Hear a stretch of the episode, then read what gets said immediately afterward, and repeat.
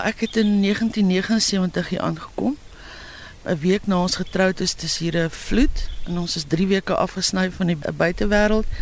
Maar hier bars toe hierdie ongelooflike paradys van blomme uit as gevolg van die baie reën. En ek het in my lewe nog nooit so baie blomme op een plek gesien nie. Ek het nog nooit so direk met veldblomme te doen gekry nie, want ek kom van Pretoria af, wat weet ek nou. En toe was ek so gefassineerd, ek het rondgehardloop met my ou mik en druk kameraitjie en ek het als afgeneem en al die fotos vir almal gestuur en gesê hulle moet kom kyk na hierdie paradys. En dis hoe dit begin het. Ons praat met Magriet Kreer van Zandvlakte langs die Pavianskloof Wildernisgebied en sy is die vrou wat die afgelope 20 jaar al hier vreeslik met die blomme te doen het, afneem, 'n database saamgestel het en alles en daar is 'n boek wat nou die lig gesien het saam met die botanis Doug Houston Brown. Ja, ja. Soos byvoorbeeld hierdie Soetharpuisbos het ek bo in die berge afgeneem, ongelooflike afgesonderde plek en hulle die hele wêreld vol gestaan en vir my byvoorbeeld was dit baie moeilik as 'n 'n leek, nie 'n botanis nie om dit goed te identifiseer. Maar ehm um, toe dak my nou geleer hoe om asters te te identifiseer. Dit is uh hierdie soetaardpuisbos is deel van die asterfamilie. So in die boek het ons vir hulle die sketse gegee van hoe jy kyk na die kelkblare en die kroonblaartjies en goeters en, en op grond daarvan kan jy die aster dan in sy regte subspesies sit en hom identifiseer wat ek dink baie belangrik is in die boek. Uh soos dieselfde ding met vygies wat moeilik is, het het uh, ons dieselfde gedoen met die aster. So dit dit gaan dit baie vergemaklik vir mense. Ek het nou gehoor dit is die eerste boek in sy soort oor die plante groei van die Baviaanskloof. Ja, dis reg en ons is baie gelukkig daarmee. Ons het net besluit ons gaan hierdie boek jy weet dit maak nie saak wat gebeur nie, hierdie boek gaan gepubliseer word omdat daar nog nooit so 'n boek was vir hierdie wêreld nie.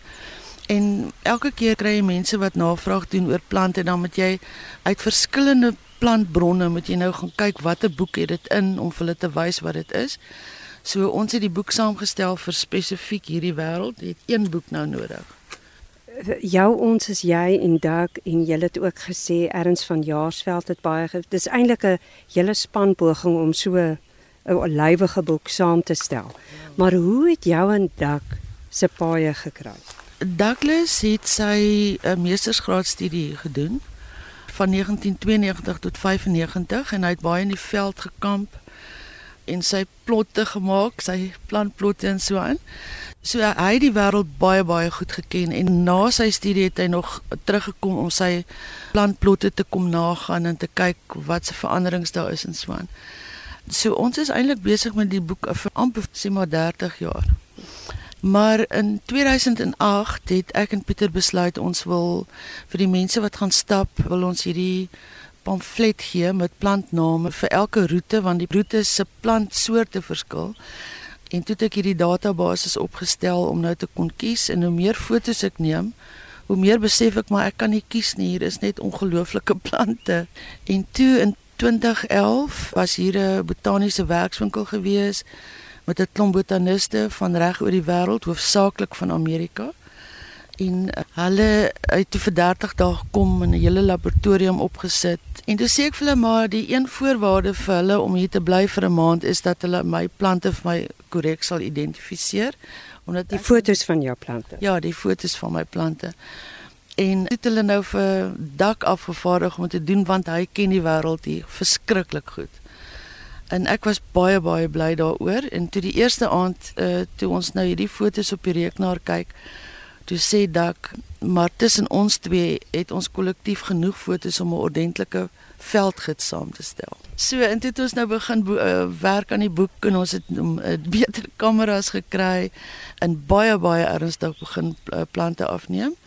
En toe het uh, dokter Ernst van Jaarsveld betrokke geraak. Ons was verskriklik bly daaroor en geweldig baie bydraes tot die boek gemaak. En dit is maar hoe die boek gebeur het op die ou einde. So ons is baie dankbaar dat hierdie boek uitgekom het want dit is regtig 'n noodsaaklike ding. Maar die ander ding is ook dat baie mense hoor van die mooi blomme en goed in die Baviaanskloof. Maar niemand besef werklik die ongelooflike verskeidenheid wat hier is nie. Dit was nog nooit regtig in soveel detail opgeteken nie. OK, maar hier is Douglas nou. Uh, ons is vennote in hierdie boek en hy kan jou nou baie meer vertel. Douglas Houston Brown, jy is die botanis wat nou ook bygedra het vir die boek Plants of the Baviaans Kloof.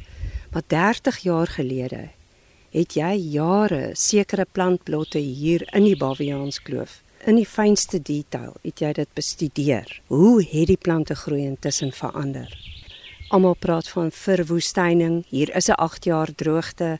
Kon jy verskille agterkom? Ja, daar is verandering, maar dis nie in al die veldtipe wat hier is. Meeste van die fynbos is bo op die berg, daar's meer reën daar en die fynbos lyk vir my hy's hy's nog sterk maar sommige van die spekboomveld en die ehm um, karooveld laer in die vallei hulle het 'n bietjie gesukkel en jy sien die succulent karoo vetplantjies wat daar nou begin inkom.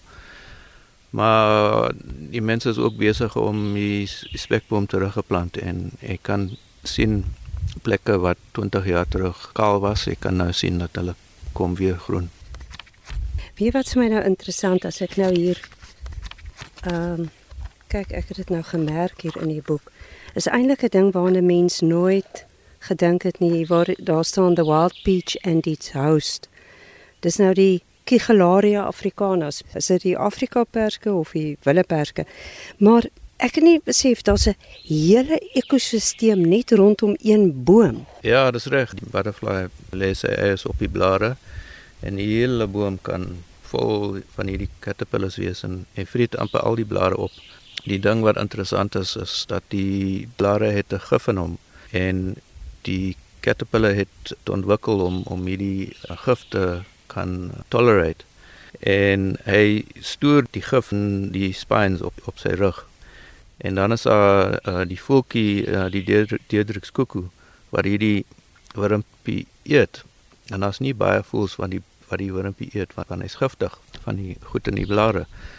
Maar wat hy doen is hy vreet nie die vel van die caterpillar hy slaan hom op 'n stokkie en eet net die binnekant van die um, caterpillar en hy los die giftige deelte van die caterpillar ja. Wat my ook opgeval het in hierdie boek is ons um, is hierdie illustrasies van die vygies maar ons praat met Douglas Houston Brown die botanis en mede-outeur van die boek Plants of the Baviaans Kloof wat meer as 1000 spesies van die plante in die Baviaans Kloof beskryf sodat jy as jy dit klaar gelees dan weet jy alles. Die boek is ook baie dikker as die Bybel.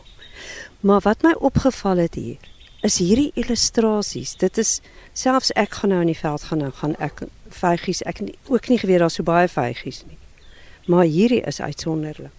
Ja, dankie. Um Megan Potgieter het hierdie vegie capsules vir ons geteken en uh, Ernst van Jaarsveld het vir haar die capsules want sy was in Middelburg toe ons uh, haar gevra het om die, die capsules te teken en Ernst het die capsules vir haar uh, in die pos gestuur en uh, is baie interessant om te sien hoe verander die verskillende genere van vegies en as jy die capsule nat maak en sodat dit uh, oopmaak, dan um, kan jy sien die verskillende tipe capsules. Die capsule waarvan jy praat, die blomknoppie.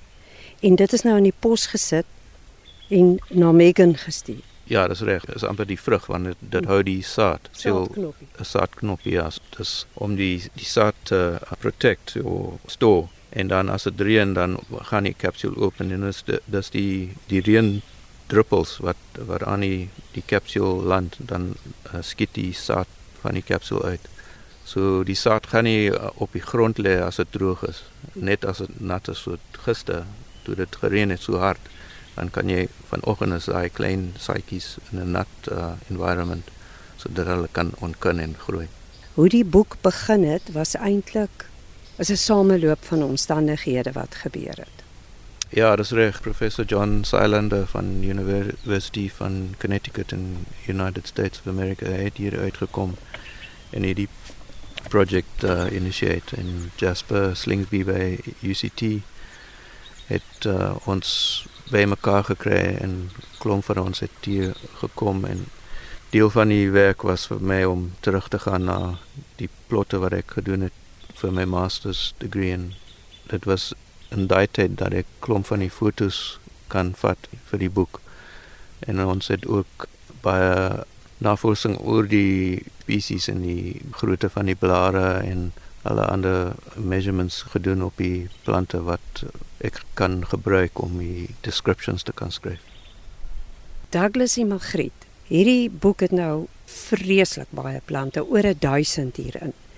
Sal ek as ek nou hier of afry of 'n berg klim of 'n kloof loop, gaan ek elke plant kan kry. Ja, al die plante wat in hierdie boek verskyn is in die Baviaanskloof en dit is te danke daaraan dat dit 'n wêrelderfenisgebied is, deel van die Kaapse fynbosstreek. 2004 verklaar as wêrelderfenisgebied, ook bekend as die Cape Floral Kingdom. En dan die Ooskaap Parke en Toerisme Agentskap is die uh, bestuurders van hierdie groot groot uh, reservaat wat hier is en dit verseker dat hierdie plante geboue sal bly en bewaar word. Maar hierdie boek van oor die 500 bladsye uh, is net die begin van die huidige plante wat ons hier het. Maar die insekte en ander diere veroorsaak of doen baie kruisbestuiving wat nuwe plantvariante na vore bring. So hierdie boek is net die begin. 'n Volgende geslag mense sal weer 'n nuwe boek kan uitbring met baie nuwe spesies wat intussen ontwikkel het.